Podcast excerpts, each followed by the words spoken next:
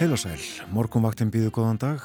Það er mánudagur 20. og annar ágúst, klukkunum vanda nýjum mínutur í sjö. Umsjónamenn þáttar eins í dag Þórun Elisabeth Bóadóttir og Björn Þór Sigbjörnsson. Við fylgjum ykkur til nýju.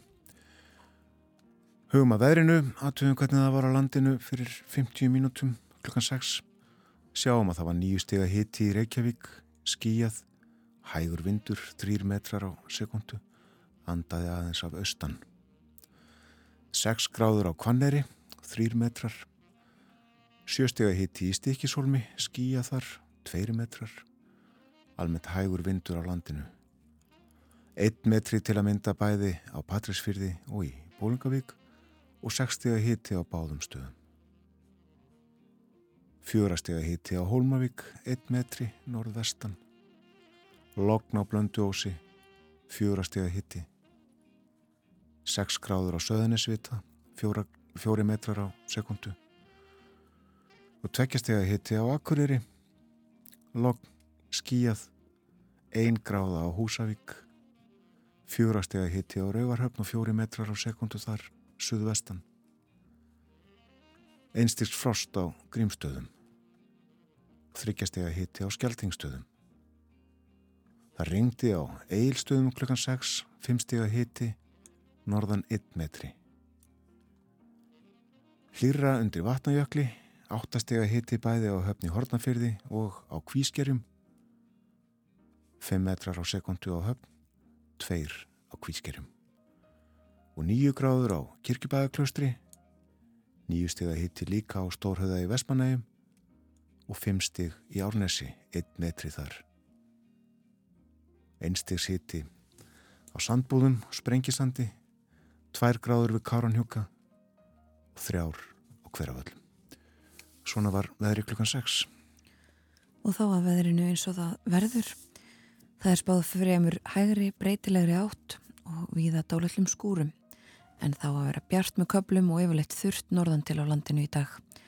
Hiti 7-14 stigi við daginn. Á morgun gengur í norðaustan 10-18 metra á sekundu við suðausturströndina og fyrir að regna en 5-13 og úrkomi lítið í öðrum landslutum. Og viða gert ráð fyrir regningu á suðaustur og austurlandi síðdegis á morgun. Hitin 8-16 stig, mildast suðvestan til á landinu.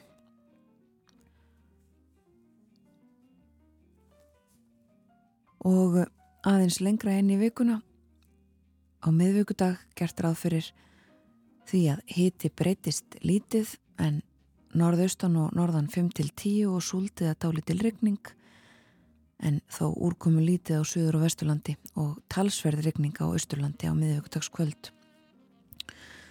Svipaður hiti eh, næstu, næsta sólaring þar á eftir á 5. dag 8-15 steg að hiti og erið nokkuð svipað svo litið kvassara á vestur hlutalandsins og eh, Á förstu dag víða bjartviðri sunnan og vestanlands en ryggning á norður og austurlandi. Lít á vesturhelmingnum og kaldar á austurhelmingnum. Og næstu helgi er gert ráð fyrir fínasta veðri, hægri breytilega rátt og björtu með köplum. Þannig hljómar veðurspáinn fyrir næstu daga. Það er hægt að gjósa í meradölum formlegum góslokum hefur þú ekki verið enn líst. Við sjáum á útsendingum í gegnum veðmyndavélar að um, það ríkur á stöku stað upp úr nýrunnu rauninu. Nú eldur kom upp í tengibyggingu við Sankti Jósefsbild talaði hafnafyrði gerðkvöldi. Talið að uh, kveikt hafi verið í húsinu sem að uh, var komið til ára sinna og átti að rýfa dag. Þetta er svona helsta fréttin sem er á vefnum okkar rú.is. Það er mýllagt á Daskra morgumvaktarinnar í dag. Við ætlum að tala um bresk stjórnmál. Við ætlum að uh, tala um skólastarfið, grunnskólastarfið. Skólanir að hefjast í dag. Og uh, svo ætlum við að uh, heyra nýjum leiðum sem fundar hafa verið upp í bandarækjunum, út í bandarækjunum. Heyra því hvernig atvinnureikendur fylgjast með starfsfólki sínu meira en þetta á eftir. En hlustu nú á K.K.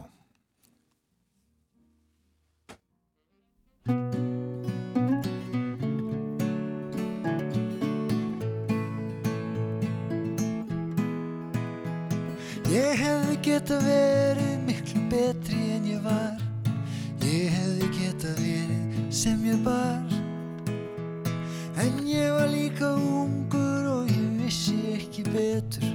Og nú er komið haust, bráðum vetur.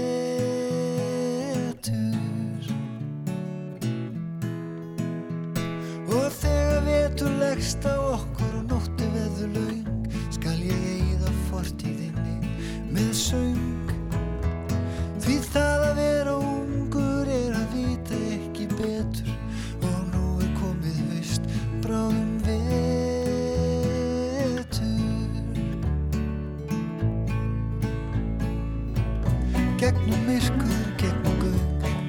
þúglindisleg ský.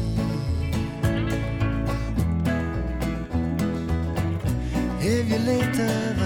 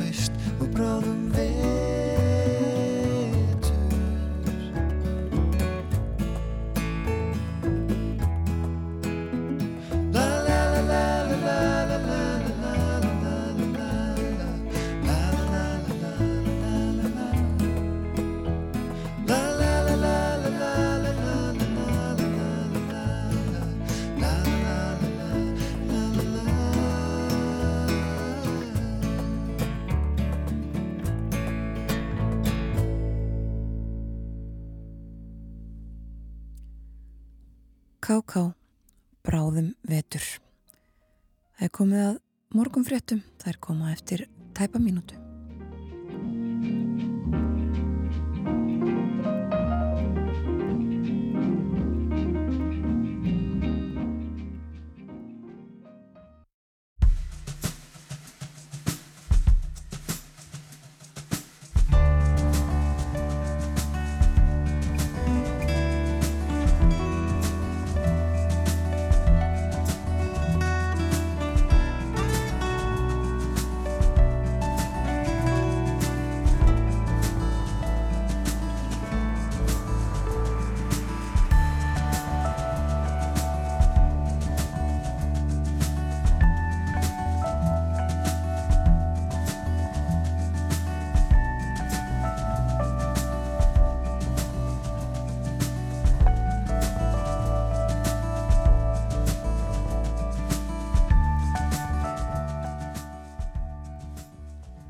Góðan dag. Þetta er morgunvaktin. Það er mánudagur í dag, 20. og 2. ágúst.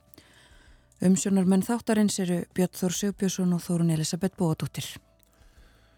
Hugur okkar er á blönduhósi hjá öllum sem eiga um sárt að binda vegna harmleiksins þar í gerðmorgun.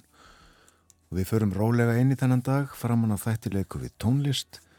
Á dagskrá eru Ellen Kristjánsdóttir og John Grant, Sigurður Guðmundsson, Mark Knopfler og James Taylor. En við byrjum á að hlusta á Guðrunu Gunnarsdóttur syngja Eilífa tungl.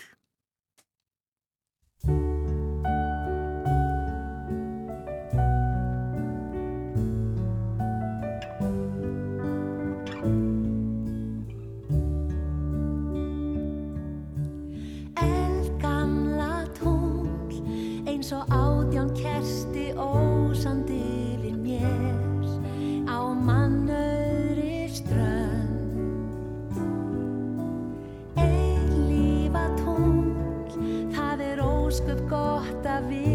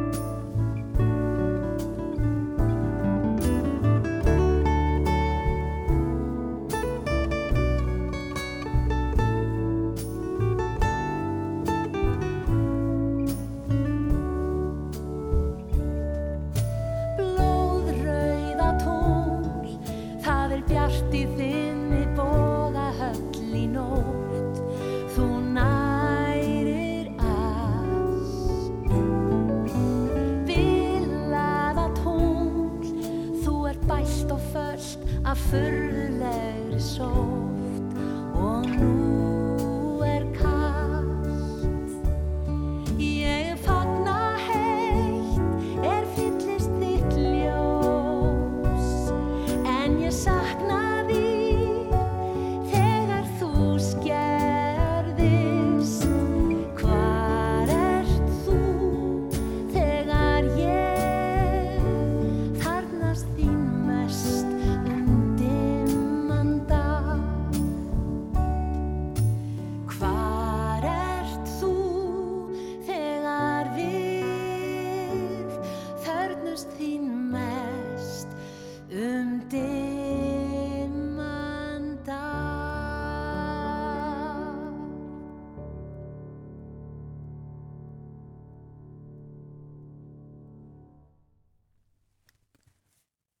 Guðrún Gunnarsdóttir söng Eilífa tungl heitir þetta lag. Og skulum líta aðeins til veðurs. Fremur hæg breytileg átt í dag og viða dálitlar skúrir en norðan til á landinu verður bjart með köplum og yfirleitt þurft og hiti 7-14 stig yfir daginn. Á morgun þriðudag nálgast skil landið úr söðaustri Þá gengur í norðaustan 10 til 18 metra á sekundu við söðausturströndina og fer að rigna og síðdegis verður svo komin rigning víðast hvar á söðaustur og austurlandi. Í öðrum landslutum verður norðaustan kaldi og úrkomi lítið og söðvestan til á landinu er útlitt fyrir bjart veður með hita að 16 stegum. Á meðvöggudag norðaustan og norðan 5 til 10 og súldið að dáli til rigning en úr komi lítið á Suður og Vesturlandi. Talsverð regning austanlandsum kvöldið og hiti breytist lítið. Skulum hlusta á meiri tónlist. Ellen Kristjánsdóttir og John Grant syngja Veldustjörnu.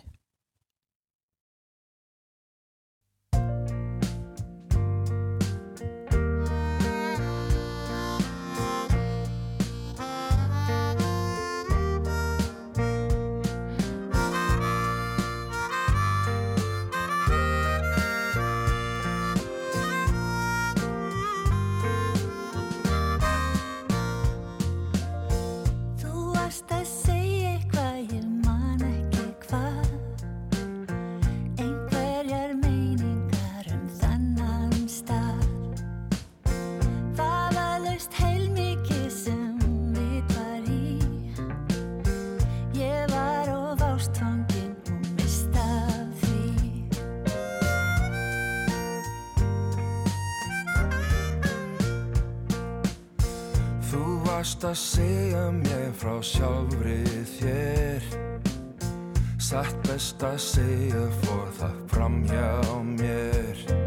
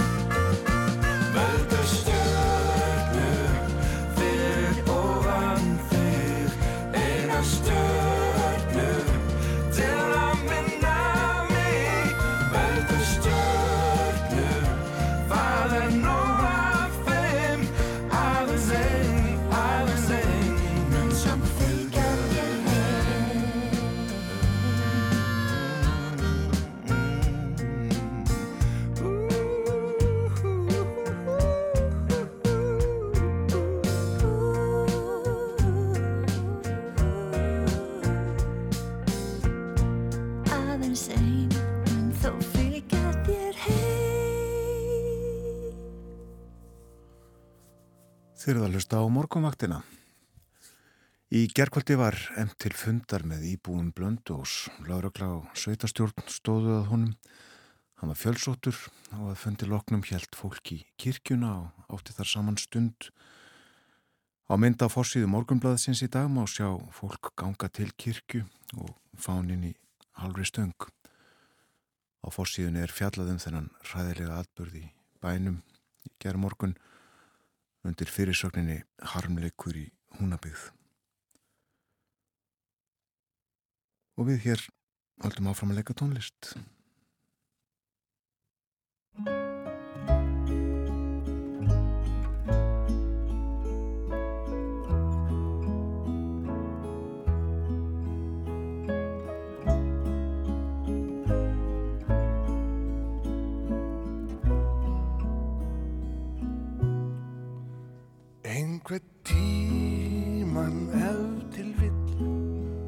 Óra langt frá þessum stað. Mun ástinn hörfa heim til þín og hjartan styrum knýja að. Og innmitt þá og innmitt mun ástinn krefja þig um svar. Og þá er rétt að rifja upp orðin mín. Þau eru styrð, þau eru fá þau sjálfsagt aldrei flugin á. Þau munu engað síður alltaf býða Því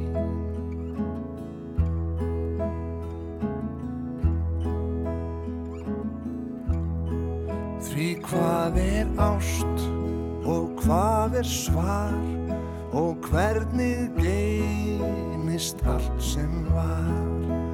Mundað hvar sem hjartað slær hamingjan er oftast nær. Og einmitt þá og einmitt þar mun ástinn kröfja þig um svar og þá er rétt að rifja upp orðin mín. Þau eru styrð þau eru fá þau sjálfsagt aldrei flugin á. Þau munu engað síður alltaf býða þín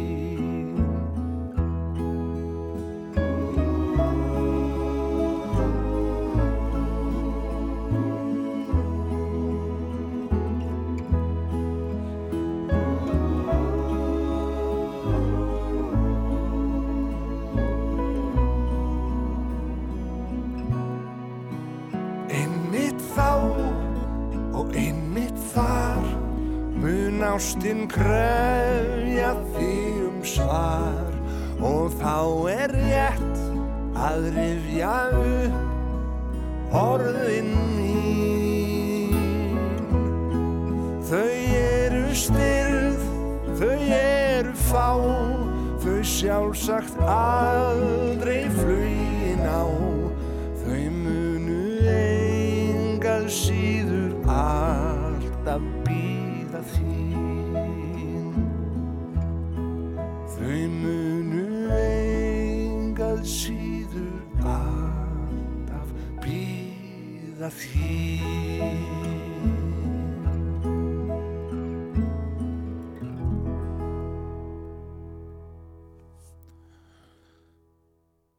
Sigurður Guðmundsson og Memphis Mafian. Förum aðeins yfir dagskrá morgunvaktarinnar í dag. Við ætlum að fjalla svolítið um bresk stjórnmál. Þannig er jú að eh, flokksmenn í íhaldsflokknum velja sér nú nýjan leðtoga og næsta fórsættisráð þeirra Breitlands. Og valið stendur á milli þeirra Liz Truss, utanekisráð þeirra, og Rísi Súnak, fyrirverandi fjármálaráð þeirra. Niðurstöðunar eiga að fást 5. september. Til okkar kemur Hjörtur Jóð Guðmundsson, hann er bæði sakfræðingur og alþjóða stjórnmálafræðingur, fylgist grant með pólitíkin í Breitlandi og verður hjá okkur hér upp úr hálf átta og við ætlum að fara yfir sviðið. og eh, svo ætla að tala um vinnu eftirlit með vinnu fólks. Þannig er að það hefur færst í aukana að minnstakosti í bandaríkjunum að það sé fylst með því hvað vinnandi fólk gerir til dæmis í tölfunni það er hægt að skrá og mæla alls konar hluti eh, með ímis konar hugbúnaði sem að nú er til fylgjast með því hvað fólk er að gera. Og eh, sumir segja að þetta eigi að auka skilvirkni og, og það sé gott að geta fylgst með eh, ekki síst eh, í aukinni heimavinnu fólks eftir COVID. En svo eru þetta alls konar hlutir sem að aldrei er hægt að skrá eða mæla með neinum hætti. Og við ætlum að velta þessum málum aðeins fyrir okkur. Til okkar kemur Ástísir Símonardóttir hún er mannuðstjóri og eh, hún þekkir þessi mál vel. Við ætlum að meðal annars að spyrja hana hvort að svona eftirlit sé eitthvað sem að koma skal eða eh, hvort þetta sé gott eða skadlegt hún eh, kemur til okkar upp úr klukkan hálf nýju Og svo er það eh, skólamálin, grunnskólanir hefjast víðast hvar á landinu í dag og við trúum því að það sé eftirvending, mikil eftirvending við morgunverðaborðin og ekki síst á heimilum þar sem búa börn sem er aðeins að hefja grunnskólagönguna. Hrönn Garðarstóttir skólastjóri er að búa sig undir að taka á móti krökkunum í grunnskóla Suðurerar og við sláum á þráðan til hennar eftir morgunfrettir og röpum um skólamál. En uh, hlustum næst á Mark Knopfler og James Taylor og við förum með þeim í sjóferð.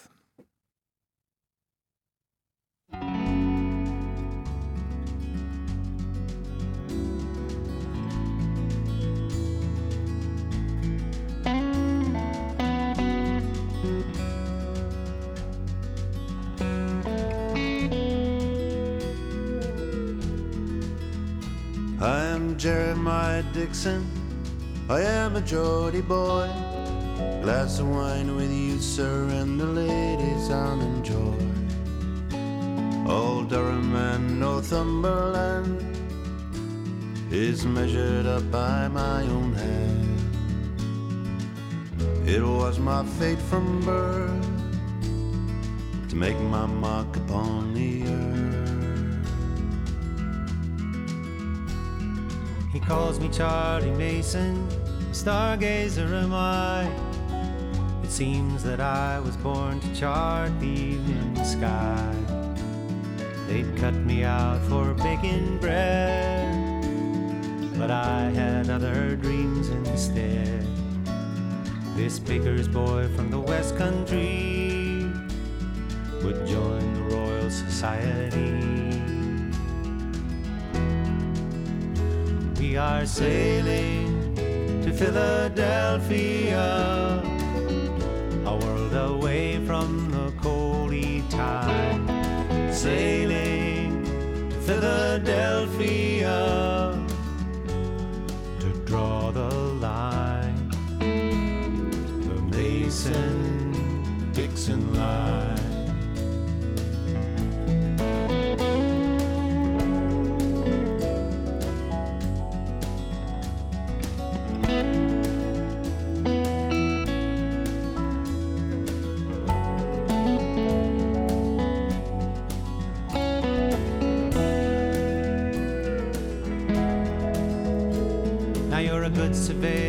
Dixon, but I swear you'll make me mad. The West will kill us both, you gullible Geordie lad. You talk of liberty, how can America be free? A Geordie and a baker's boy in the forests of the Iroquois. Now hold your head up, Mason. See America lies there. The morning tide has raised the capes of Delaware. Come up and feel the sun. A new morning is begun. Another day will make it clear why your star should guide us here. Sailing to Philadelphia,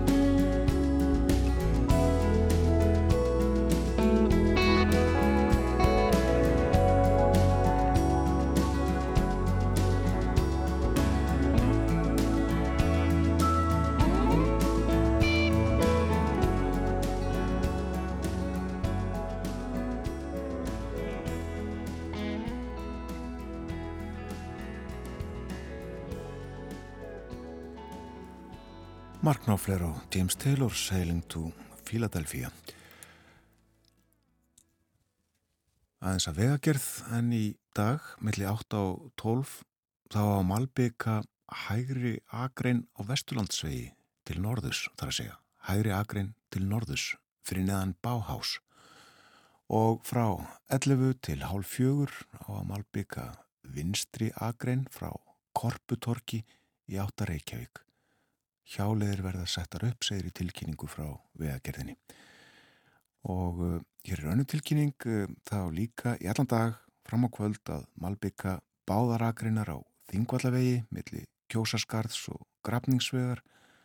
Það eru lokað til vestus en umferð á östuleið ekkur meðfram vinnusvæði og hjáleið er um grafningsveg Evri og Nesjavallaveig. Nesjavallaleið. Þetta eru fjölfarnar leiðir báðar.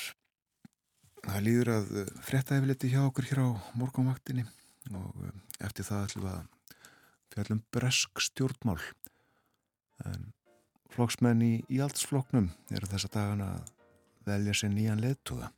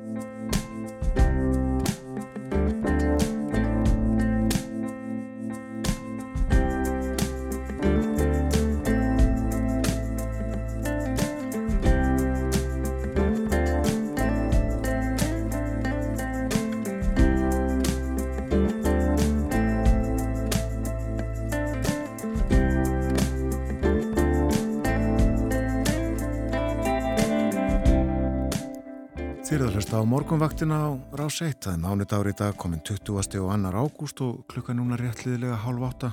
Umsjónamenn þáttarins Björn Þór Sigbjörnsson og Þórun Elisabeth Bóadóttir. Andri Irkild Valsson fór yfir veðurhorfur dagsins í fjórum orðum hér áðan en í hugleðingum veðurfræðin segir fremur hæg breytilega átt í dag og viða dálitla skúrir en norðaustan til á landinu verður bjart með köplum og yfirleitt þurft og hitti í dag 7-14 stíg. En á morgun nálgast skil landið úr suðaustri og þá gengur í norðaustanátt 10-18 metrar við suðausturströndina og fyrir að regna og síðdegis á morgun verður komin regning víðast hvar á suðaustur og austurlandi. Í öðrum landslutum verður norðaustan kaldi og úrkomu lítið og suðvestan til á landinu er útlitt fyrir bjart veður með hita að 16 stígum. Og um helgina næstu er búist við fremur hægri breytilegri átt og það verður bjart með köplum og hittin að 14 stígum. Hugum aðeins að því sem er framöndan hjá okkur í þættinum í dag, melli hálf nýju og nýju ætlum við að fjalla um eftirlit með vinnandi fólki, Þórun. Já, þannig er að nú er til ímis konar hugbúnaður sem að hægt er að setja í tölfur og þannig er þetta að fylgjast með því hvað fólk er að gera í vinnunni hverju sinni. mæla hversu lengi það er að gera hluti, hvenar það er virkt í tölvunum og hvenar ekki og uh, mörg stórfyrirtæki uh, og minni í bandaríkjónum að minnstakosti eru farin að stunda þetta, ekki síst í kjölfarið á COVID og, og því að fólk er farið að vinna í auknumæli heima og Ástís Eir Símonadóttir mannuðstjóri hefur kynnt sér þessi mál. Hún ætlar að koma til okkar og ræða þetta við okkur. Er þetta eh, jákvætt, neikvætt? Gott fyrir fyrirtækin, gott fyrir vinnandi fólk eða slæmt? Ætlum að fara yfir þetta allt saman upp úr klokkan hálf nýju þegar hún sést hérna hjá okkur. Og grunnskólanir eru að hefjast, eh, já vel flestir á landinu í dag held ég. Af því tilitni ætlum við að tala við Hrönn Garðarsdóttur, hún er skólastjóri grunnskólans á Suðureyri. Við ringjum í hana eftir frettinar klukkan átta. En nú er það pólitíkinni Breitlandi, íhaldsmenn þar í landi, fá senn nýjan leðtoga og breska þjóðin nýjan fósættisráð þeirra. Og það verður annarkort Liz Truss, utanríkisráð þeirra, eða Rísi Súnak, fyrirverandi fjármálaráð þeirra. Vali stendur á milli þeirra og það eru flokksmenn í íhaldsflokknu sem að velja. Og þau Truss og Súnak hafa rekið öfluga kostningabaratu að undanförnu og reynda að laða fólk til fylgis við sig og eins og saki standa eru líkurnar með Truss. Hjörtur Jó Guðmundsson, sakfræðingur og alþjóða stjórnmálafræðingur, fyrirverandi blaðamára morgumblaðinu, fylgist vel með breskum stjórnmálum og hann ætlar að greina stöðuna fyrir okkur. Velkomin til okkar á morgumvaktina. Takk fyrir það. Já, það bendir flest til þess að Truss fari með Sigur og Fólmi og við ætlum að tala betur um það á eftir stöðuna. Eh, mér langar að byggja þig til þess að byggja þig um að byrja á að uh, segja frá þeim Truss og Súna. Hvernig stjórnmálamenn eru þau og, og er mikil munur á áherslum þeirra og afstöðu? Já, þetta hefur nú verið, hérna, já við tökum bara, ég manna Tröss hefur verið þótt fyrir að frekar, hún hefur, verið svæðið verið stjórn, frjálsíkjamaður fyrst og fremst, hún var eh, áður í frjálsíkjum demokratum, reynda bara fram um eitthvað um tvítugt, en gekk síðan til leysi í Íslokkinu og það hefur svolítið verið anstæðingar en verið að nuttin upp úr því að hún hefur verið sem sagt í öðrum flokk. Og það er, er, er að flokki sem er eh, kannski harðastur í, eh, sérst harðasti stuðning sem er þess að vera í Europasanduru sem er núna orðið náttúrulega bara alveg hérna, 100% stefna í Íhalsflokksins að, að það sé rétt að standa fyrir utan það. Þannig að henni hefur svolítið verið nuttað upp á því og eins að hún hefði stutt uh, áframhaldi veru Breitlands í Europasandinu í aðranda þjóðrækvæðinsins 2016 en, uh, en eftir það uh, hefur hún alveg tekið bæði orði og borði stefnun að vera utan Europasandins eða gert að sinni. En, en Súnag var sér sett hlindur útgangurinn í aðranda þjóðarkvæðins og, og verið það.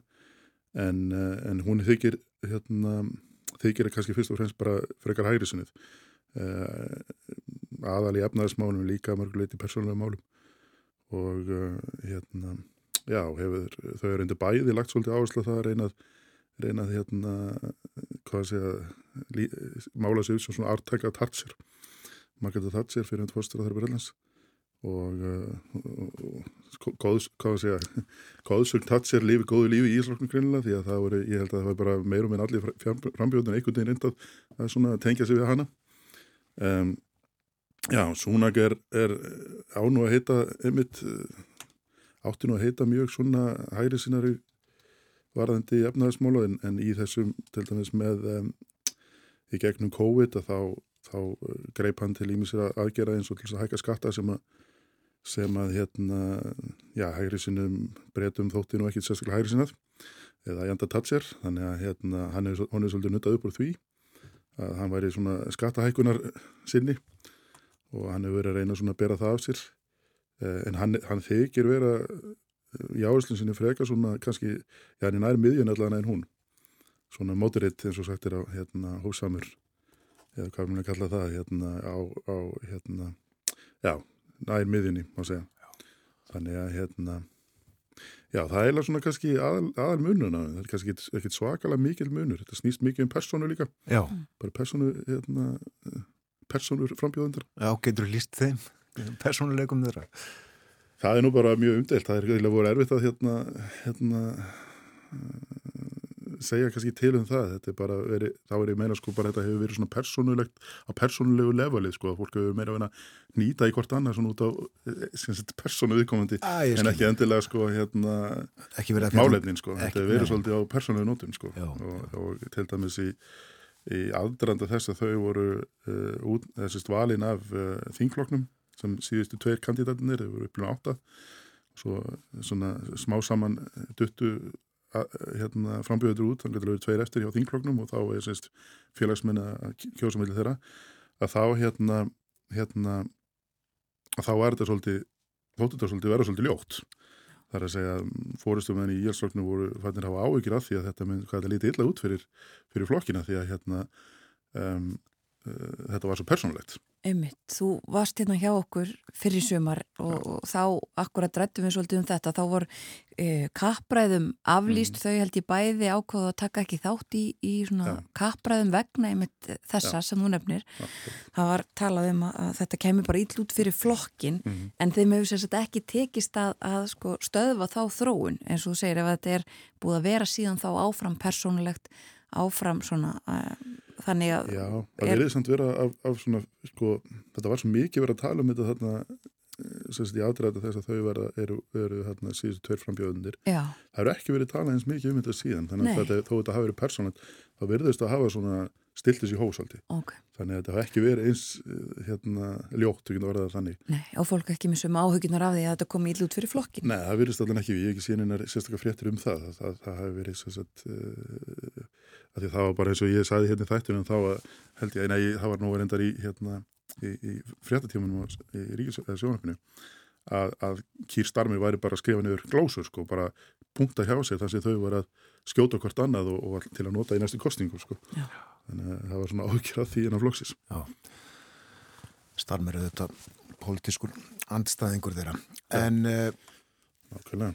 þú nefndir í grein sem þú skrifaður um daginn og uh, komst mjög fljótt inn á það í spjallið okkar hér áðan að, að uh, Evrópumál uh, eru, eru rætt og afstæða þeirra til Brexit á sínum tíma og Brexit í dag eigum að vera innan eða utan Evrópusambansins. Þetta er mjög ofalega á bói. Já, þetta er sko, það var allir frambjöðunir, uppalega áttu frambjöðunir verið sem sagt, uh, það var enginn verið hlindur því að gangi Europsamtur aftur.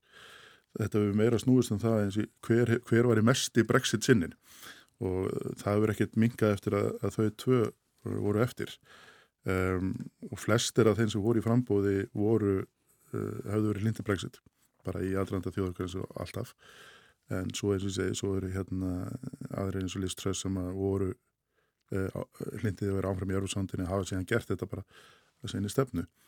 En hérna þannig núna snýst þetta meira um bæði það um hver hafi verið meiri stuðningu svolítið í fortíðinni en líka snýst þetta um sko að því það hefur svolítið verið gaggrínt að það hefur verið nýtt þessi tækifæri sem að Brexit hafi opnað þar að segja að draga úr íþingit regluverki og svo framvegs að því að það sem breyta gerðu eða breyst stjórnvöld eða gengur Eurósandinu var það til einfalda hlutin að tóku bara all, alla lauki á Eurósandsins sem var sér sett uh, hérna, ekki hluti af þeim að þeir fóru bara eftir að samþitt í Brussel og þá þeirra breyta frá eftir, það var þannig einum sambansins það tóku bara lögjöfun og gerða hana breskri lögjöf, tóku það bara inn í bresku, breska hérna, lagasefnið bara ein, ein, einni bara einum pakka og síðan var hugsunin að það var svo hægt að vinda ofna þessu bara eftir að það væri komið út úr Eurósandri en mörgum þykir að það hafi nú hérna, svona þurft að lengja eftir þessu.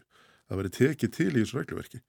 Og, og, og svona gert brest efnaðisli samkjöndinshefar en það sem gerist inn í Eurósands og svo framvegis. Og þetta er svolítið það sem hefur verið að ræðum að, að þau hafi bæði verið að segja að þau ætli að, að lofa því að þau ætli að taka þetta þetta regluverki gegn og, úr því og, og hérna, gera frívislunarsamningar fleiri og svo framvegis Já, sko, þú segir það, einmitt allir átt á upphaflegu frambjóðunir eru sagt, Brexit sinnar í dag. Endur speglast þetta líka í, sko, meðal almennra flokksmanna? Eru bara allir í íhaldsflokknum núna á því að Brexit sé bara hitt besta mál og, og það er ég að halda því áfram eða eru ennþá einhverjir þarna innan flokksins svona Sko- sem, að, sem að myndu ennþá vilja verið í Európa sjálfsagt einhverjum en þetta er orðið algjörlega mainstream stjórnmál þarna í, í, í elsvögnum og, og bara, ég menna, í Breitlandi, ég menna, ég þekki, ég nú fylgsmæðis lengi og, og, og sem er að vinum mínum er sitja á breska þinginu og, og um, hafa verið líkil menni í því ekki tíðin að, að berjast fyrir því að breyta að fara á Európsöndinu og fyrir svona 20 árum síðan, 20-25 árum þá var þetta bara svona að gangur á Európsöndinu það var bara svona jaðar stefna svo smá saman bara var þetta að bara mainstream politics og auðvitað náttúrulega það er þessna sem að, að David Cameron þá var endur fórstæða þar í að Breitlands og leit og Íhalsróksis búa til þess að þjóðarækvæðis 2016 um hvort það hefur ánfram í Európsöndinu ekki. Það er vegna þess að það var orðið svo rosalega mikil bara stuðningu við það innan Íhalsróksis Mm. að það þyrfti að endur skoða þetta eitthvað. En með flokksmennina þá, þá má ekki glema því að þeir sko flokksmenni í Íhalsflokknum eru svona bilinu 180 til 200.000 og uh, það er eins þar og hér kannski á víðar að, að þetta er ekki lengur svona þú veist, allir eru í stjórnmálaflokki og uh, samsetningin á flokksmönnum í Íhalsflokksins er þannig að, að 40% af þeim er eldri en 60 uh, tveið þriðið af þeim eru kallmenn og uh, þetta er yfirleitt uh, fólk sem er með betri teikjur en aðrir. Eða svo það er að segja ekki, ekki, ekki ríkt fólk en endilega, ekki bara heldur þú veist svona yfir meðalæg um, og þetta er reyndar ekkert bundi við íhalsflokkin því að, að uh, aldurinn til með þetta sliðstæður meðalaldur hinn á flokkana og líka hvað var það kyn uh, bergamannflokkurinn er nokkuð jamt þar. Uh, reyniflokkurinn sem er nokkuð jamt þannig að þetta er, og, og flokksmenn íhalsflokksins eru frekar íhalsamir eru í ímsum málum þetta er, þetta er 0,3% af kjósendum í Breitlandi sem er í rauninni að fara að velja þarna fastræðara landsins Já, og þannig að, þú, þetta, þannig að með þessa flokks fólks þá þykir mér mjög líklegt að, að það sé yfirgnefandi meir hlindur því að, að standa fyrir þetta nörgusandi. já. En uh, eins og þú segir að þá uh, endur speikla flokksmenn, félagsmenn í íhalsfloknum uh, kannski samfélagið ekkert sérstaklega vel. Nei. En uh, tölum aðeins um þetta fyrirkomla. Það er auðvitað nokkuð sérstakt hvernig þið standa að því að velja sér nýjan leiðtóa og í núna mm. nýjan fórsættisráð þeirra. Já, já. Tekur óbáslegan tíma? Já, þetta, þetta kerfi var búið til uh, í kjölfar þess að þegar íhalsmenn guldu áfráð í þingkostningunum 1997 þegar Tony Blair kennstu valda þá hann til leiðtói verkefnumlöksins um, og uh, þá var nú einn ágættu vinnuminn sem er hérna, situr nú í lágardeildir núna bresku, að hann var að skrifa greiðin daginn og sagði að hérna var að tala um það að þetta væri þetta hefði eiginlega verið hanna, hanna þetta kerfi bara á einhverju bréf hérna, á einhverju brefsefni sko, þetta er svona, hann sagði reyndar hérna á bara hérna servéttu sko, þetta hefur bara við flíti verið sett saman þetta kerfi og þetta er aldrei verið hugsað til þess að vera notað í þegar flokkunum verið stjórn. Nei. Þetta hefði verið hugsað til að nota þegar flokkunum verið stjórnaranstöðu og hefði þar handi nóg sögrún til þess að, að, að, að bara dunda við þetta að velja sér leittóa en uh, svo hefur þetta myndið verið gaggrínt núna að þetta sé uh, taki alltaf langa tíma, ég menna að það er flokkurinn í stjórn, uh, Boris Johnson er starfandi fórstráður eftir að það sér í sumar og, og, hérna, og getur þar alveg ekki tekin inn að stefnumóðandi ákvarðanir.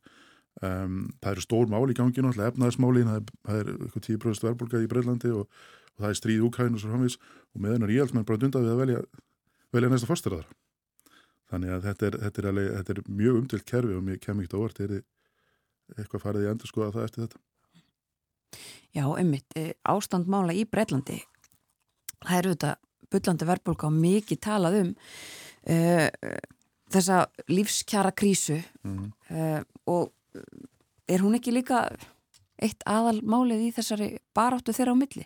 Jújú, jú, þetta er alveg mjög ábyrjandi mál og, og þau eru mikið að takast á um það hvað, hvernig það ætla að bregðast við þessu. Það eru ímsa leiði til þess, hann var nú að gaggrína törðastum dag, hann er Michael Goff sem er nú hérna, þungavíktamæðurinn í Íhalsflóks og verið, ég er í ansimörgur á þeirra embatum og hann var að lýsa stuðningið Súnaka því að hann vildi meina, já það var aðalega gaggrín í honum að hún vildi lækka skatta í stað þess að að grípa til bara bytna aðgerða hálfu eins og ofnbæra, bara einspýtingu eða sem sagt að bara lækka álu eða þú veist það er að segja dragu kostnaði við hérna hjá almenningi og fyrirtækjum í staðis að lækka skatta. Hún er mjög hörð á því að, að, að lækka skatta. Og ég held að það sé kannski að hluta til auðvitað vegna þess að hún er frálsiki mannskja bara skattalækunin en líka það að, að svona kæðin sem ég sagði á, hann hefur í gaggrindu fyrir það að hafa hækka skatta á tímum COVID. Þannig að það er svona, upplið, hún lítur auðvitað það sem ákveðin veikan blett í honum og þar leðandi hún alltaf að gera svolítið út af það að hann hefur þess að ímynda verið svona skattahækunar fyrirvendu fjármáráður að þá sé hún hérna, fulltrúið þess að draga úr, úr skottum og það er auðvitað klassísk stefna hægrimanna er auðvitað að draga úr skattbyrði. Þannig að hérna En það er svona mismundu áherslar í þessu og þau eru að lofa hinn og þessu og svo bara náttúrulega kemur ljóskaður staði við þetta í eh, hérna, hver vinnur eins og gengur. eins og gengur. En uh, það bendir allt til þess í dag að hún fari með sigur á holmi. Já, ég meina, veðbankar er að meta hana á, á 91, eða þessi 91 sigurleiku núna og það hefur verið í kringu það og aðeins raukast, var 89 og 88 og eitthvað, lengi álega síðan í byrjun þessi mánar. Um, það er þetta miða út frá, ekki síst, bara stuðningi við að lýsa í stuðningi, skoðanakönnum og öðru og sko, snýjast að skoðanakönnum sem var byrt fyrir helgi eða niðurstur hennar, eru að sína hana með 66% og hann 34 Mm. af þeim sem taka afstöð. Og þannig hafa uh, fyrir skoðanin kannan líka verið, þetta er svona tveið þriðju, tveið þriðju henni og eitt þriðju honum og, og hérna þannig að það bendir flesti þess en auðvitað er þetta ekki búið fyrir búið og um, Súnak hefur, hefur hafi verið að þrýsta á hann að, að bara hérna, kastin, hann klænu getur orðað þannig. Bara á stitta þetta og drífa í því að velja nýja leitu og fórstæðin hann segist hverki banginn og allir að saði síðast á kostningafundi á fórstæðin í, í mannsistir að hann ætlaði bara berjast fram síðust dag. Og hann vonast auðvitað til þess að, að skoðanakanni sé ekki réttar sé ekki gefa rétt að mynda þessu og eða hún, og eða hún ger eitthvað mistök. Já. Og síðasti dagur er 5. september eða ekki? Sko, það verið tilgjöndu niðurstöðuna 5. Já. september. Eh, Þetta er kostning á meðal eh, flokksmanna sem er sem sagt, bæði rafræn og með posti og uh, síðasti dagurinn til að skila inn aðkvæða er annar september. Síðan ekki eftir aðfyrir að 7. september þá munið Boris Johnson fara til Elisabeth Bröndrotningar og til, eh, segja á sér eða tilkynna það að hann sé uh, formulega, segja, eh, segja formulega á sér og um sama dag muni eh, drottningin kalla til sín nýjan fórstræður og formulega setja hann inn. Þannig að, en þetta er, það kom nú upp hérna eh, vandamál um daginn um, það var, var leini þjónustu Breitlands og araði uh, fórustumenn í að slóksins við því að það væri hætta á uh, það, að það væri hérna ha- haft ykkur óvel áhrif á þessar afræðinu kostningu hjá þeim bara að því að það er eins og bara, ég veit ekki hvað það kemur einhver sem sett hætta á slíku, þeir vildu meina það. Þannig að breyta reglunum, þannig að það átti að vera þannig að flokksmenn getur sérst, þú getur kannski skilað inn hérna, e, þú veist, getur henni breytt atkvæðinu, alveg fram á síðustu dag. En núna sérst er það þannig að þú getur ekki breytt atkvæðinu. Það er bara til þess að góða fyrir að kannski er einhver aðri sem grípa inn í og, og, og, og breyta atkvæði einhvers en ekki hann sjálfur. Þannig að um, það getur leitt til þess að fólk kannski fresti því að greiða atkvæði en það getur líka leitt til þess að fólk, uh, getur leitt til þess að ef fólk er búið að greiða atkvæði þá náttúrulega er það bara greifti stein. Þannig að það má alveg gera ráð fyrir því eftir sem að við nær dregur þá mingi náttúrulega líkur súnags ef að hann er raunverulega ef allt er, hérna, er skoðankannur og veðbankar að gefa rétt að mynd að möguleika hans að snúa stöðunni sér í vils mingi smá saman af því að það er vantilega jamt og þétt fleir og fleir að skila greið atkvæði og geta ekki breytt atkvæðunum Já, eftir á þannig að, að eftir þessi nærdregur þá ætti er alla líkur á því að hvað segja, það er niðurstaðin er smá saman að, að koma í hús Já. Er vitað uh, hvort er að Boris Johnson stýður? Boris Johnson stýður allan ekki Súnak hann, hann og hans stöðningsmenn telja að Súnak hafi stungið inn í bakið þegar Súnak segir af sér hann í sömar sem er hundi að stað uh, bara hreinu, að setja stað hreinu af, af afsögnum sem að leiti þess að hann endalega segir af sér. Og uh, Súnak er náttúrulega ekki búin að sitja mjög lengi á þingi að það er allan ekki, ekki kannski eitt eða tvö tjömbil og Boris Johnson svolítið til þess að hafa komið honum svolítið framfæri og átt svolítið þátt í hans frama og finnst hann hafa stungið sér í bakið. Og það var eiginlega þannig að stuðningsmenn Johnsons uh, sagðu nánast að þeir vildu bara eitthvað annan en hann. Og hún hefur, hún sagði ekki af sér. Hún er ennþá auðvitað ríkisæðara og uh, það er alveg klart mála ef hann, hann, hann stiður hana en ekki hann. Og aðeins meira um uh, Boris uh, heldur að hans pólitíska ferli sér lokið, mun hann áfram gegna þingsturum og, og jafnvel gera sér gildandi og jafnvel sækjast eftir að komast í fórustun og ný. Það er, það er mjög áhugavert, það er búið að að fjalla heilmikið um þetta, auðvitað er fólk áhugað því í, í Breitlandi hvað hva hann tekið sér í hendi, litríku stjórnmálumæður og undildur. Um, sko, sangat reglunum getur hann, það, það voru stöðningsmenn hans voru að kvita til þess til að hann er í settur á, á fyrir líka í bóði sem sett í leitóvalinu. En reglurnar um leitóval er að það þann vega að eh, fráfærandi leitói má ekki taka þátt.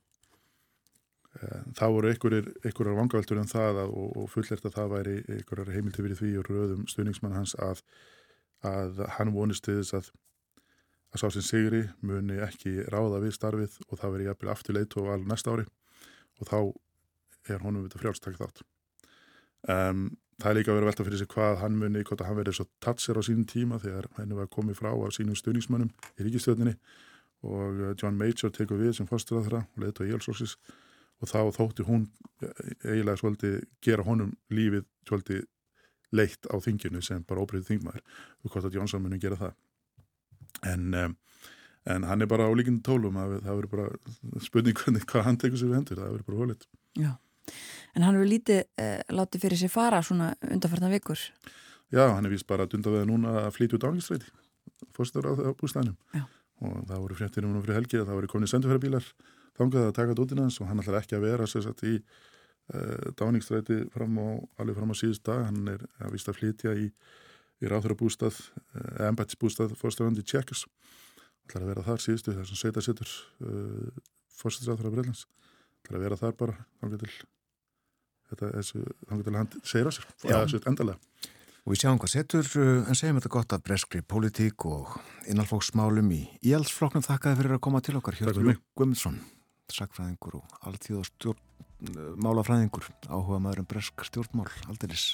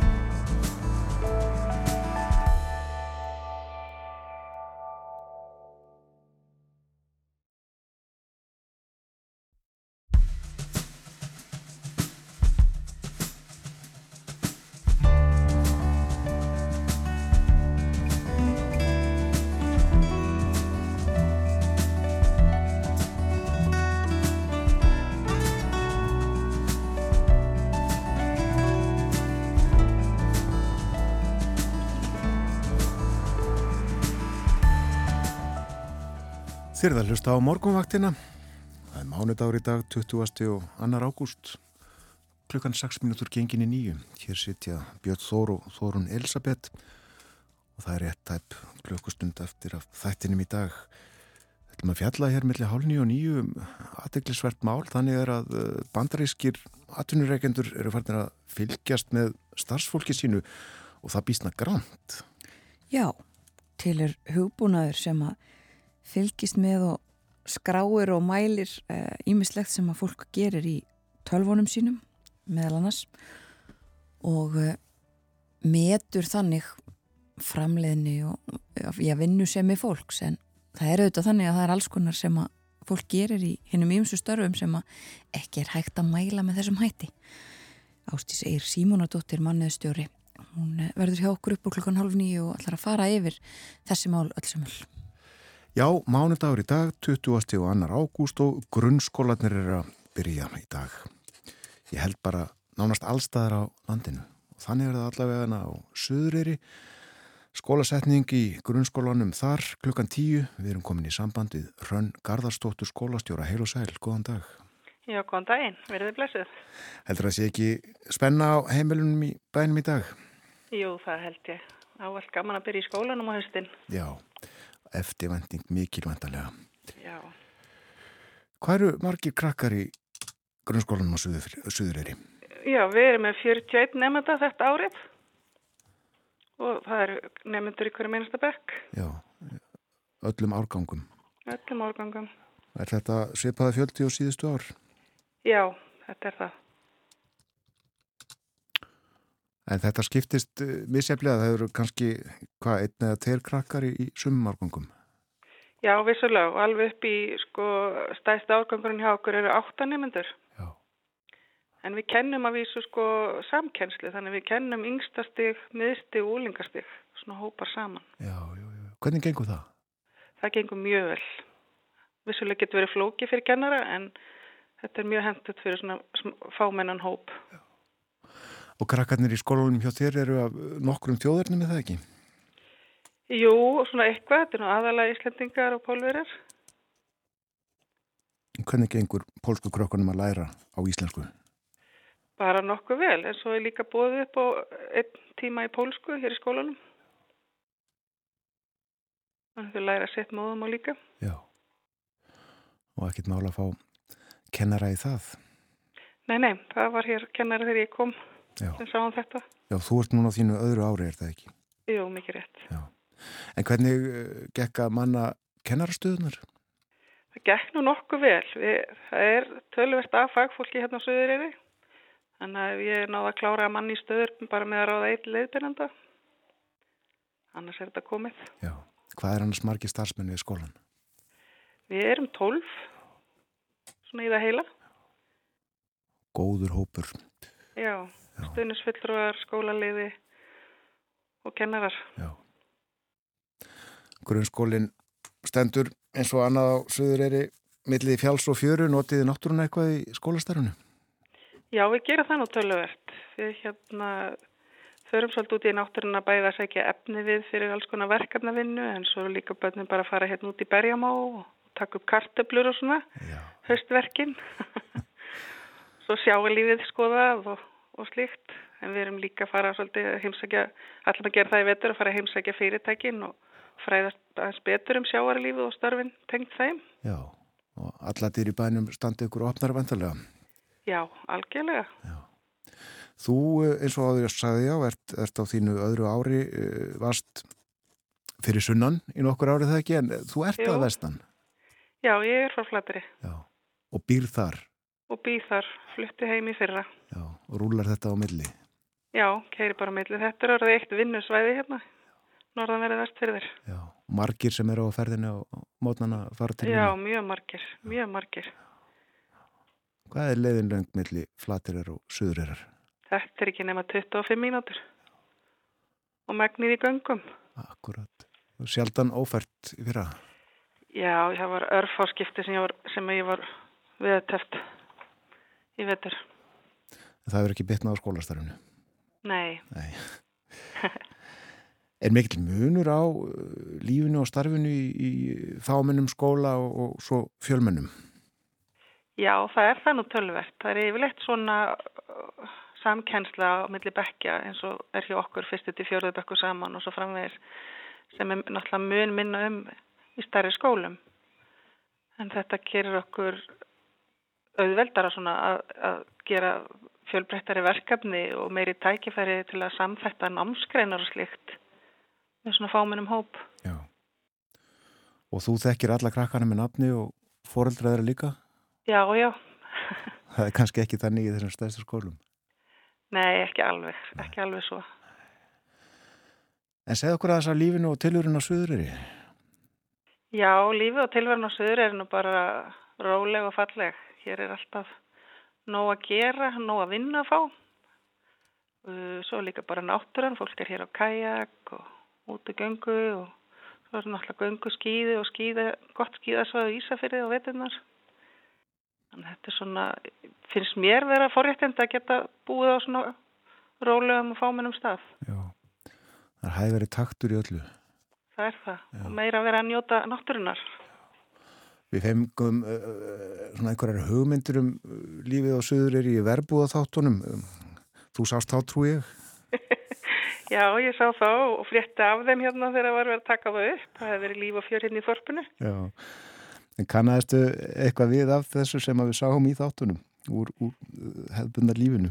Já, ég held nú að flest þorp á Íslandi getur nú eitthvað samsvara sig við verðbúða þættina. Já. Alveg sama hver það var á landinu. Og skólasetning uh, klukkan tíu, hvernig fer hún fram?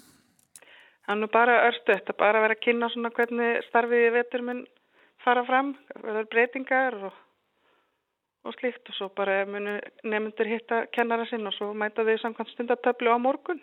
Já, og engin miskun þá, bara upp með bækurnar. Já, já. En ekki heimanám? Nei, það er nú ekki heimanám. Það er bara viku áallin og, og svo er það heima lestur. Það er lesturinn sem er nummer 1, 2 og 3. Já. Hvernig gengur Já. almennt að að krökkunum að læra að lesa? Bara mjög vel. Við komum hérna mjög vel undirbúin úr, úr leikskólanum og hérna þetta gengur allir ljómandi. Það er alltaf verið að segja okkur að, að mörg börn er erfitt með að lesa. Já, sko, það er nú skilningurinn. Geta að lesa og lesa fyrir mann en þau kannski skilja ekki það sem eru að lesa fyrir okkur og það er það sem við erum að vinna mest með. Já, Þannig að lesturinn og hraðin og slíkt sem við erum að vera að mæla hér í skólum, hann er kannski fín. Já. En skilningurinn er ekki mikill, kannski. Nei, það er náttúrulega ekki til mikils að kunna að lesa ef maður skilur ekki það sem maður er að lesa. Akkurat, akkurat. En því það hafa einhverjar aðferðir, aðferðir með það.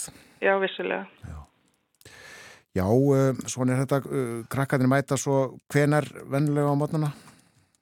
Þeir mæta hjá okkur klukkan átta og það er lestrastund alltaf fyrstu 20 mínúturnar á mótnana. Svo verður það að lesa bókað í vali og hérna og svo hefst kennsla. Já. Eru þið sæmilega vöknu klukkan átta? Já, þau eru það nú. Og hvað eru þið svo lengi í skólanum? Það er nú aðeins með sjátt. Það er hérna og lengadeildin okkar fer með rútu yfir og Ísa fyrir eftir háti tvota, þrjátaði viku í, í hérna valáfanga. Þannig þau eru svolítið langt fram eftir degi. Já. En yngstu krakkarnir eru búin klukkan hálf tvö. Faraðu þá uh, þessari elstu uh, inn í grunnskólan á Ísafyrði? Já, inn í valáfangana þar. Já, akkurat. Gaman að þessu. Segð okkur hér í, í blá lokin hrann frá því hvernig uh, veðrið er hjá þið núna á Suðureyri. Það er nú bara fínasta veður, snjóaði reyndar aðeins í fjallstoppana um helgina. Eða á helginni eins og við segjum. En það er bara að blíða framöndan. Og fjörðurinn speilsléttur eða hvað? Svo gott sem. Já. Á helginni, já. Já. Segi það. akkurat. Þá gaman að heyri þér uh, Sem við leiðis. gangiði vel, góða skemmtun við skólasetninguna. Já, takk fyrir það. Ertu búin að segja mér langa ræ- ræðu? Nei, alls ekki. Stutt og gott. Stutt og lag gott. Stutt og lag gott. Njóttu dagsins. Sem við leiðis, takk. Takk fyrir. Bless, bless. Bless. Hrönn Garðarsdóttir, skólastjóri. Við setjum lagafónin uh, til í hljómsveit sem heitir Between Mountains, milli fjalla og hann að skipa Katla Víktis Vernharsdóttir sem er úr Súandafyrði og Ástrós Helga Gummisdóttir sem er úr Dýrafyrðinum. Fyrðir fyrir vestan, undafjörðurinn á milli. Við ætlum að hlusta á lag sem að heitir Það er á vorin og með þeim syngur Jónas Sigursson.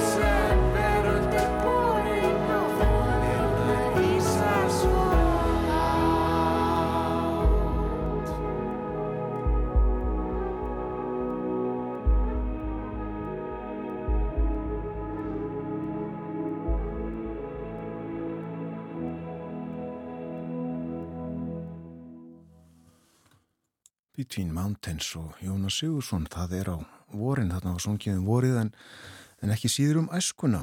Og við töluðum aðeins um krakkana á söðuriri skólinu hefjast, skólasetning klukkan tíu. Í símanum hjá okkur var Hrönn Garðastóttir skólastjóri grunnskólans á söðuriri en hér fyrir morgun rættu við um bresk stjórnmál. Hjá okkur var Hjörtur Júð Guðmundsson sem er sakfræðingur og alþjóða stjórnmálafræðingur og mikill áhuga maður um bresk stjórnmál. Við vorum að fjallum að baráttu þeirra Liz Truss og Rísi Súnak um leðtóa ennbætti íhaldsflokksins. Já, annað þeirra verður næsti fórsættisráð þeirra Breitlands og uh, útlitt fyrir að verði Liz Truss. Það eru allar líkur með henni en uh, kostningin stendur yfir og í henni taka þátt flokksmenn í íhaldsflokknum og uh, þeir eru næstum 200.000 og atkvæðin að skila sér í hús þetta að koma í ljós allt saman 5. september. Já. Við töluðum uh, um þau þetta og aðeins um Boris Johnson uh, hann er ólíkindatól eins og við vitum og aldrei að vita nema hann muni setna sækjast eftir leðtúaðanbættinu á nýjan leik og það getur farið svo að uh, eftir tvö ár þá verði leðtúar Breitlands og bandarækjana Boris Johnson og Donald Trump.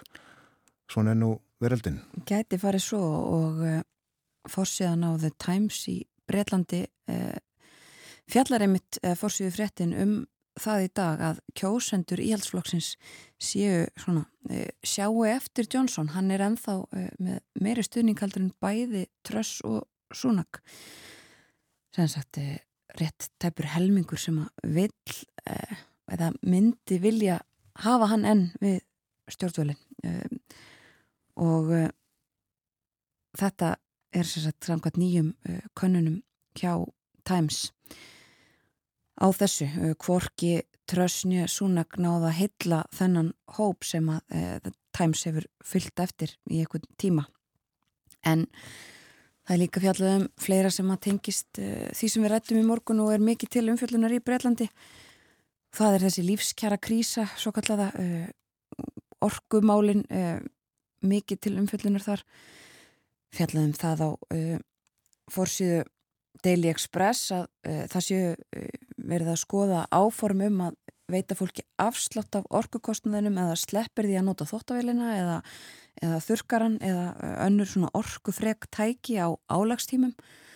Og uh, þetta er eitt af því sem að verða að reyna til þess að uh, spara fólki fjö og uh, sagt í á fórsíðinu á, á öðru blaði að uh, 1,7 miljónir heimila séu nú að íhuga eða hafi nú þegar sem sagt um, bara gert breytingar á uh, þessum orkumálum séu hætt eða hætt að- að borga orkureikningana.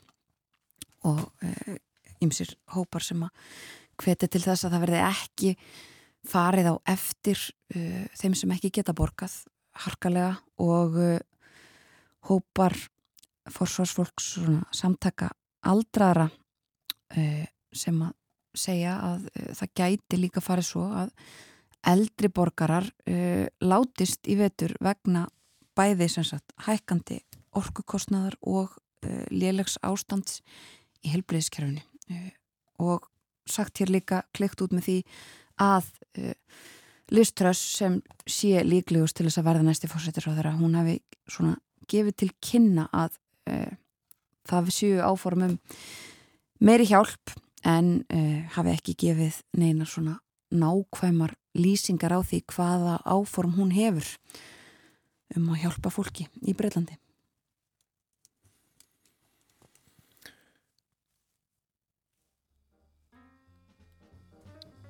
Þetta var af Erlendu vettvangi en hingað heim.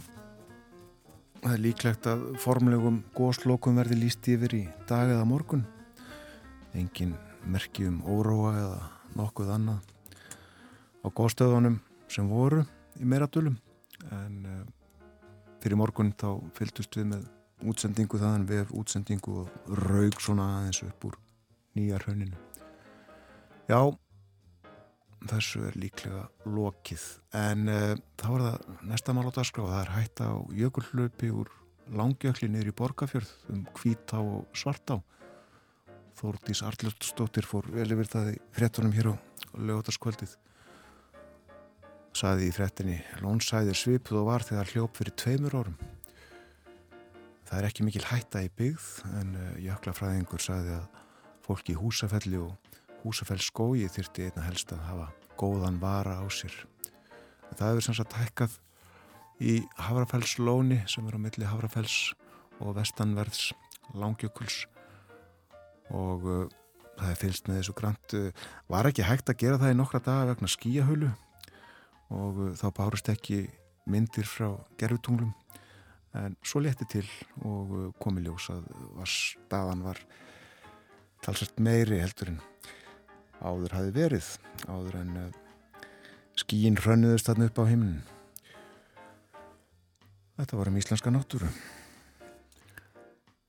Það liður að yfirliti morgun frétta það kemur klukkan hálf nýju á slæginu frá fréttastofunni að því loknu verður hér hjá okkur Ástís Eir Símonardóttir hún er mannuðstjóri og við viljum að ræða við hana um uh, nýjar leiðir til þess að fylgjast með vinnandi fólki sem fyrirtæki eru farin að taka upp til þess að, já, mæla ímislegt Ástísir veit meira um þetta og verður hér okkur eftir, já, svona 5-6 mínútur.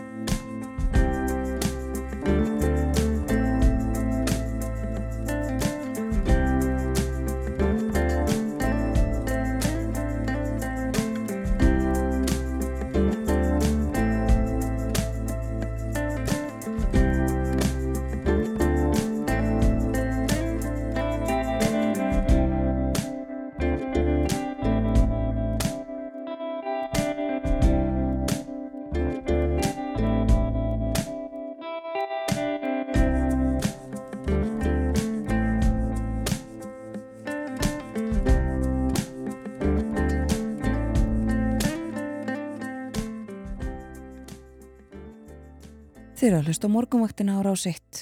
Klukkan orðin liðlega hálf nýju. Það er mánudagur í dag, 20. og annar ágúst. Og hér fyrir fréttaefilitið rættum við um grunnskólana. Þeir hefjast flestir, ef ekki allir í dag, Hrönn Garðarsdóttir skólastjóri grunnskólans á Suðureyri var í símanum. Hún er að undirbúa skólasetningu sem að verður klukkan tíu og uh, alltaf eftirvænting eftir því að skólastarfið hefist á haustin. Og fyrir morgun var hjá okkur Hjörstur Guðmundsson, alþjóða stjórnmálafræðingur og sakfræðingur. Við töluðum um uh, leðtóakjörið í Breitlandi. Breski íhaldsflokkurinn að velja sér nýjan leðtóa og líka þar með nýjan forsættisráð þeirra fyrir landið. Það er verið að kjósa um þessa dagana. Þetta likur allt fyrir eftir tvær vikur, 5. september. Það er eitthvað um 200.000 manns í breska íhaldsfloknum sem að velja nýja forsættisráðurann fyrir alla þjóðuna. Held að Hjörtur hafi sagt að þetta væri eitthvað í kringum 0,3% sem að þarna fá að velja og ekki gert ráð fyrir kostningum í Breitlandi á næstunni en það er alltaf möguleiki þó og einhverjar frettir í dag sem að segja frá því að ef að Liströss verður næsti fórsættisáþara eins og útlitir fyrir að minnstakosti núna þá gæti það þýtt uh, fylgisökningu við íhaldsflokkin og uh, hún gæti þá nýtt þá fylgisökningu til þess að drífa í því að búa til kostninga En þetta á allt saman eftir að skýrast eh, á næstu viku. En eh, næstu mínutunar ætlum við að ræða annað. Hefur færst í aukana að minnstakosti í bandaríkjónum að fylst sé með vinnandi fólki. Það er að segja því sem það gerir í vinnunni og eh, til er ímuskonar hugbúnaður sem að gera vinnuveitendum kleift að skrá og greina ímislegt sem að fólk gerir í tölvunum ekki síst. Og þetta á að auka skilvirkni og ábyrð segja sumir en svo eru þetta alls konar hlutir sem er bara ekki tækt að mæla. Til okkar á morgunváttina er komin Ástís Eir Simónudóttir, hún er mannuðstjóri Lucinity og uh, formaður mannuðs sem er félag mannuðs fólks á Íslandi. Velkomin á morgunváttina. Takk hella. Um, ég ætla bara að nefna það hérna strax í upphafi að uh, við erum svona tilefnið þess að við fáum þið til okkar er uh, stærðarinnar umfjöllun í New York Times um þessi mál þar sem voru tekin ja, alls konar dæmi og svona yfirgripsmikil umfjöllun um svona uh, aukningu í eftirliti við vinnandi fólk og uh, já það er það er ímislegt sem að hægt er að gera nú til dags. Um, ef við kannski bara aðeins að fara yfir það hvað það er sem að svona helst er þarna til umfyllunar, hvað er verið að gera til þess að fylgjast með fólki? Já, í þessari grein er svona fjallað heilt yfir um framustöðu mælingar sem hafa aukist gríðarlega á tímum COVID þegar að uh, starfsfólk fór úr skrifstofunum frá því að vera hérna, eitthvað sem þú sást, þú sást teimið, þetta gætt fylst með og, og hitt yfir í að vera heima.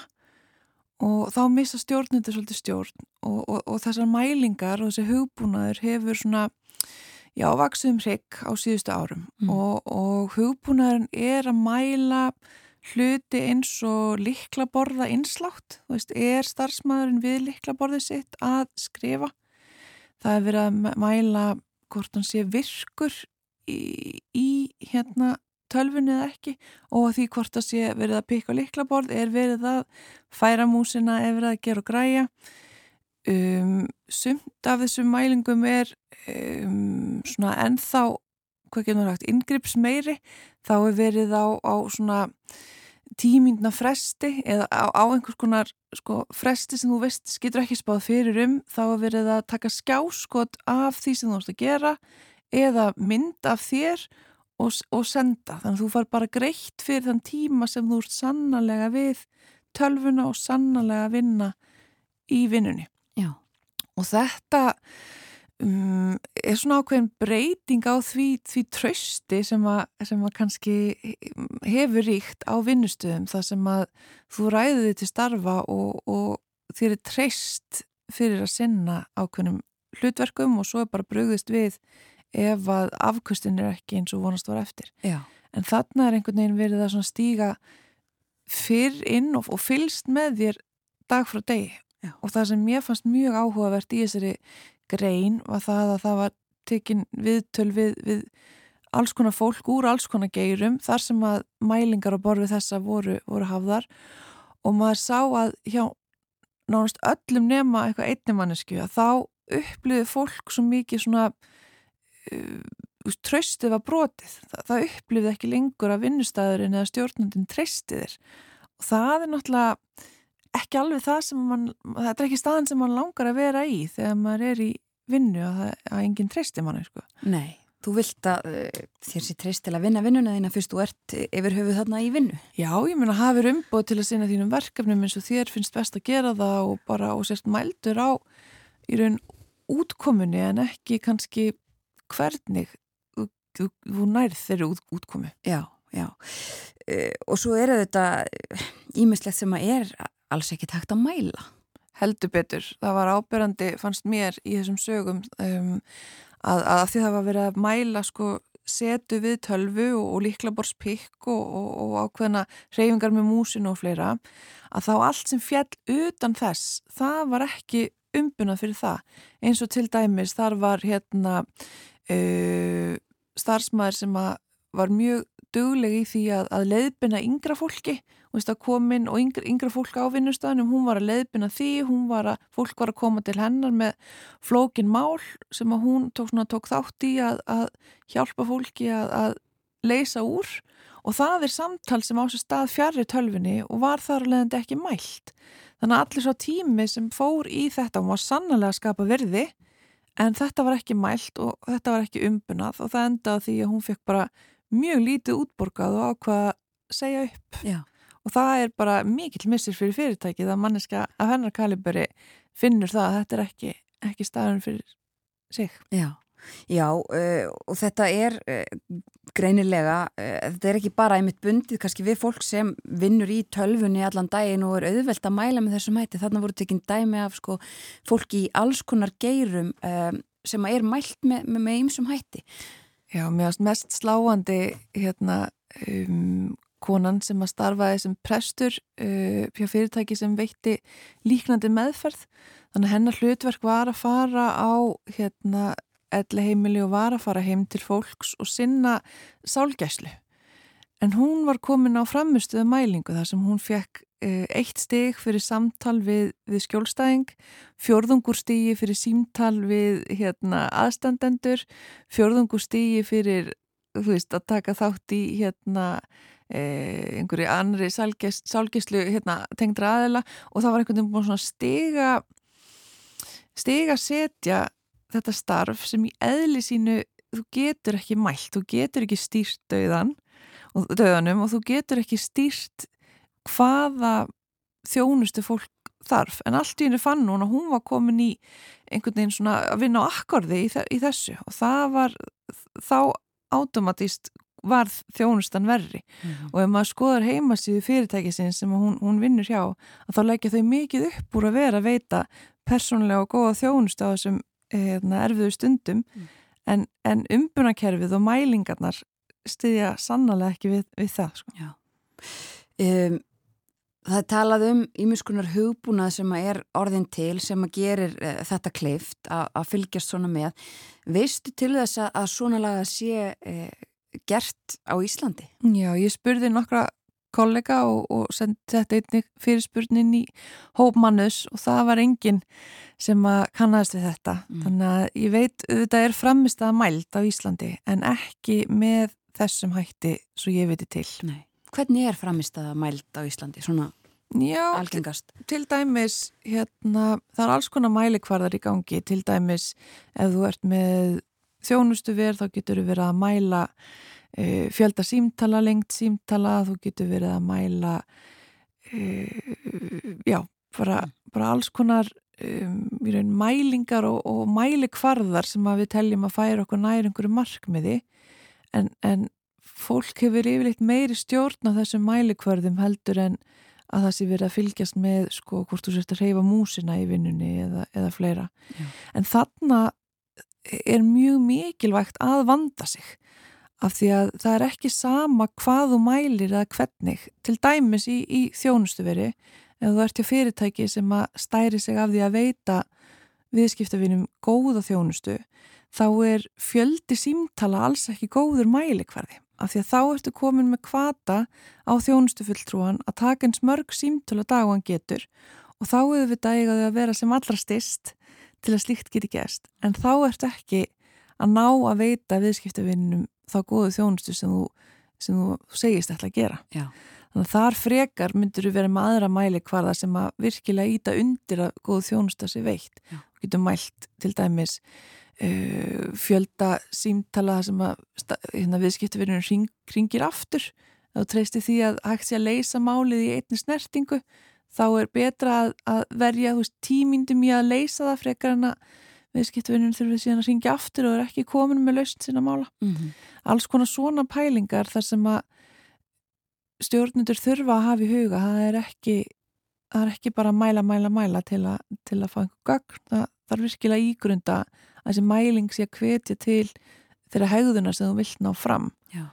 og ofti verið að mæla einstaklings framistöðu en það sem þú í raun vilt umbuna og hveti til er góð teimisframistaða af því þá færðu frekar hjálpsemi þannig að fólk geti hjálpað hérna, samstagsfólki hugsa kreatíft, fundi nýja lausnir og, og umbuna slíkt fyrir teimið í heild frekar en að umbuna einstaklingnum. Af því þá getur gerst eins og konan í dæmisögunni hjá, hjá New York Times þar sem hún fann bara, viðst að ég hef ekki tíma til að styðja við samstagsfólki mitt og ég hef ekki tíma til að taka flóknumálin. Já.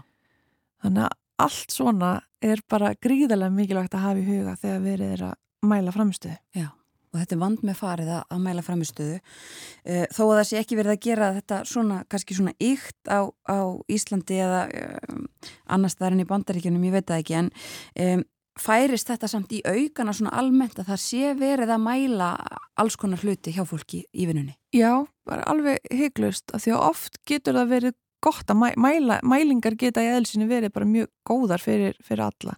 En ég held að þetta hafi sérstaklega fæst í aukana núna í COVID af því að e, stjórnendur kunna að stýra hópi sem er á staðnum. Um, þegar hópurinn síðan dreifist og fer heim að þá allt í hennu er það erfiðara fyrir stjórnendan að vita hvað er í gangi og þarna byrja að myndast svona pínu vantraust. Ég treysti því ekki eldilega að þú sérst í vinnunni, mig grunar að þú sérst kannski bara að sitja í þóttavél allan daginn eða fáið rosalega langan hátismat og ég get ekki verið viss um hvað þú ert að gera og þá myndast þessi þörf fyrir að ná einhverju stjórn með mælingum. Mm. Og það hefur alveg fæst í aukana uh, að stjórnendum finnst þér vanda þetta hérna, verkfæri að vita hvað er í gangi. En veist, já, mér finnst þetta eiginlega bara leti. Ég verði að viðkynna það.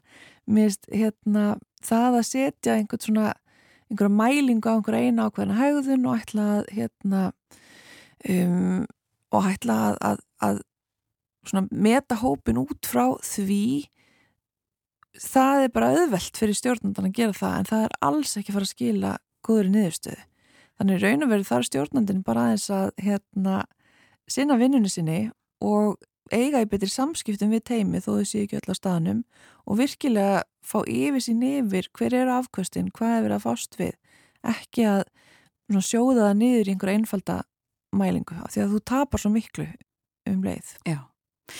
Sko manni hefur fundist allavega í umræðinni að mörg eftirsótt fyrirtæki til að vinna hjá hafi freka verið að fara uh, í hináttina, þar að segja svona hætta kannski vera með stimpilklukkur uh, gera vinnustæðana aðlandi ymmit sko að því leiti sem ekki snýr beint að vinnunni vera með eitthvað svona afþreyingu og svona þar sé þægilegt og gott að vera í vinnunni. Manni finnst þetta ekki alveg ríma saman? Nei, ég er alveg saman af því af því að, af því að þróunin hefur akkurat verið í þess átt að ráða bara opaslega gott fólk til þín, treysta því og veita því umboð til aðtapna og sjá, hérna, fylgjast með afkvöstum og hvetja teimin áfram og fleira. Um, það, það kom fram í grein New York Times að þessar mælingar væri alveg að skila hagnaði í, og, og, og auknum afkvöstum í sko stuttan tíma. En það sem að síðan gerist er að, að því auðvita hérna auðvita, hérna, herður þig þegar þú veist að það er verið að hérna, taka skjáskot af skjánuðinum í, á tíminna fresti og, og auðvita fyrir þetta af stað en afleggingarnir eru þær að þú verður stressaðrið, þú fókuserar þú var rörsín og sko sköpun mingar þannig að í langklaupinu þá er þetta ekki að fara að gagnast þessum fyrirtækjum þó að vissulega til skamstíma komi einhver, einhver hérna, framistöðu sprengja. Og, og maður sá það við, við fólki sem verið að taka hérna, viðtal að þetta var farið að leggjast á sálina og fólk var að, einmst hætta eða finna bara að, að þessi innri kvati og þessi svona um, já, einmitt, þessi, þessi innri kvati að standa sig vel í vinnunni var bara að víkja fyrir streytuð varandi þessum mælingum já. og svo, svo var, fannst mér svolítið frábært þegar maður las þessa grein tókst eftir því að New York Times var að nota sama hugbúnað og þau voru fjallum, þau voru að mæla hvort að lesandin væri virkur í lestri, hvort hann stegi upp frá tölfunni og maður fekk svona hérna eh, endurgjöf á á framistuðum hans við að lesa greinina. Já. og ég fann að ég stressaðist upp og ég fann að mér fannst þetta ég, ég fór svona að lesa hraðar og mista þess af innihaldi Já. og það var alltaf verið svona þú svolítið lengi með þessa málskrein eitthvað svona og ég fann bara að þetta hafði áhrif á minn skilning á innihaldinu þannig ég þurfti stundum að lesa hlutina tvísvar. Akkurat, ég hérna skrunaði svona stundum upp og neður og, og þá var sko tók hugbúnaðurinn líka eftir því, er þú ert að lesa þetta svolítið rætt, eftir vissum og þú sért að ná innihaldinu. Akkurat. Þannig að einmitt, þetta er, uh, og jáfnvel þó að það hafi bara verið uh, grein til lestrar en ekki ykkur framistuðumæling í vinnu þá uh, fann maður alveg áhrifin. Það er, ég er alveg sammálið því. Um, þannig að sko helduru að þessu öllu sögðu að það sé um, þetta sé eitthvað sem er bara tímabundi svona, svona mælingar af þessu tægi það er eitthvað sem er komið til að vera og, og fólk getur vænst að vera mælt með þessum hætti í framtíðinni? Sko mér langar að vera bjart sín og segja þetta sé tímabundið en ég held að við þurfum að venjast því að svona mælingar séu far, farnar að færa sér uh, hvað segir maður færa, færa stjóðikana ég held að það sem að við getum kannski tekið með okkur frá bandaríkunum er uh, að sjá hvað að borga sig að vanda sig gríðarlega með hvað er mælt og hvað ekki. Og ég held að slæmar mælingar gerir meiri ógagn en gagn. Þannig að við þurfum bara að vera vakandi fyrir því hvað við erum að mæla og hvernig og hvaða er virkilega að vita hvað er það sem við viljum ebla og umbuna hjá okkar fyrirtækjum áður en við innleðum svona mælingar sem gera illt vera mm -hmm. e, held að það hafi verið e, haft eftir einhverjum þarna í þessari greina þetta væri sko bara mesta afturför í réttindum vinnandi fólks í langan tíma. Um, sko geta vinnustæðir almennt ekki treyst starfsfólki til að vinna vinnuna sína Jú, af hverju ekki?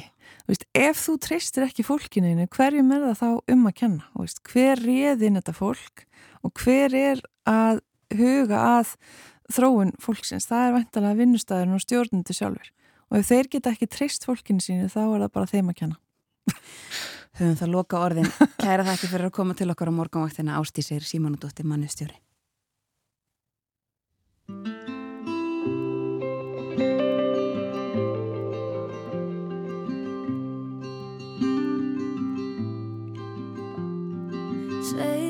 Þreyti fætur Tóa hvern annan í það Eftir einn breyðum vegi sem liggur í öfuga átt. Gróðurinn grætur þögninu segir svo margt.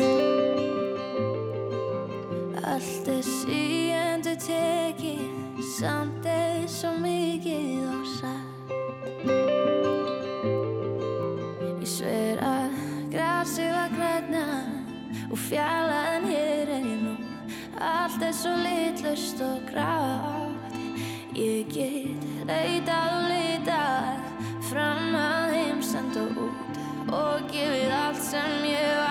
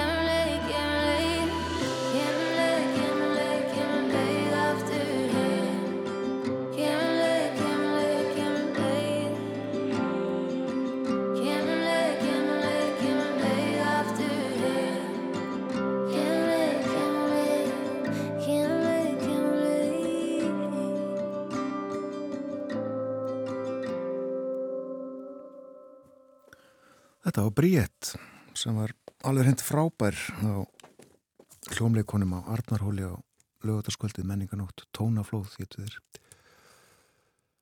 gaman að hlusta á hana sem ég gerði reyndar í gegnum sjónvastæki Já, og það er ekkert að sjá einmitt flutningarnar á þessu lagi inn á VF Ríkisútasons Það verður ágættis veður á landinu í dag hitti að 14 stegum, hægur vindur víðaskvar og sólskinn allavega setnipartin á landinu norðanverðu meðal annars í súandafyrðinum en krakkarnir þar spendir skólin að hefjast skólasetning klukkan tíu.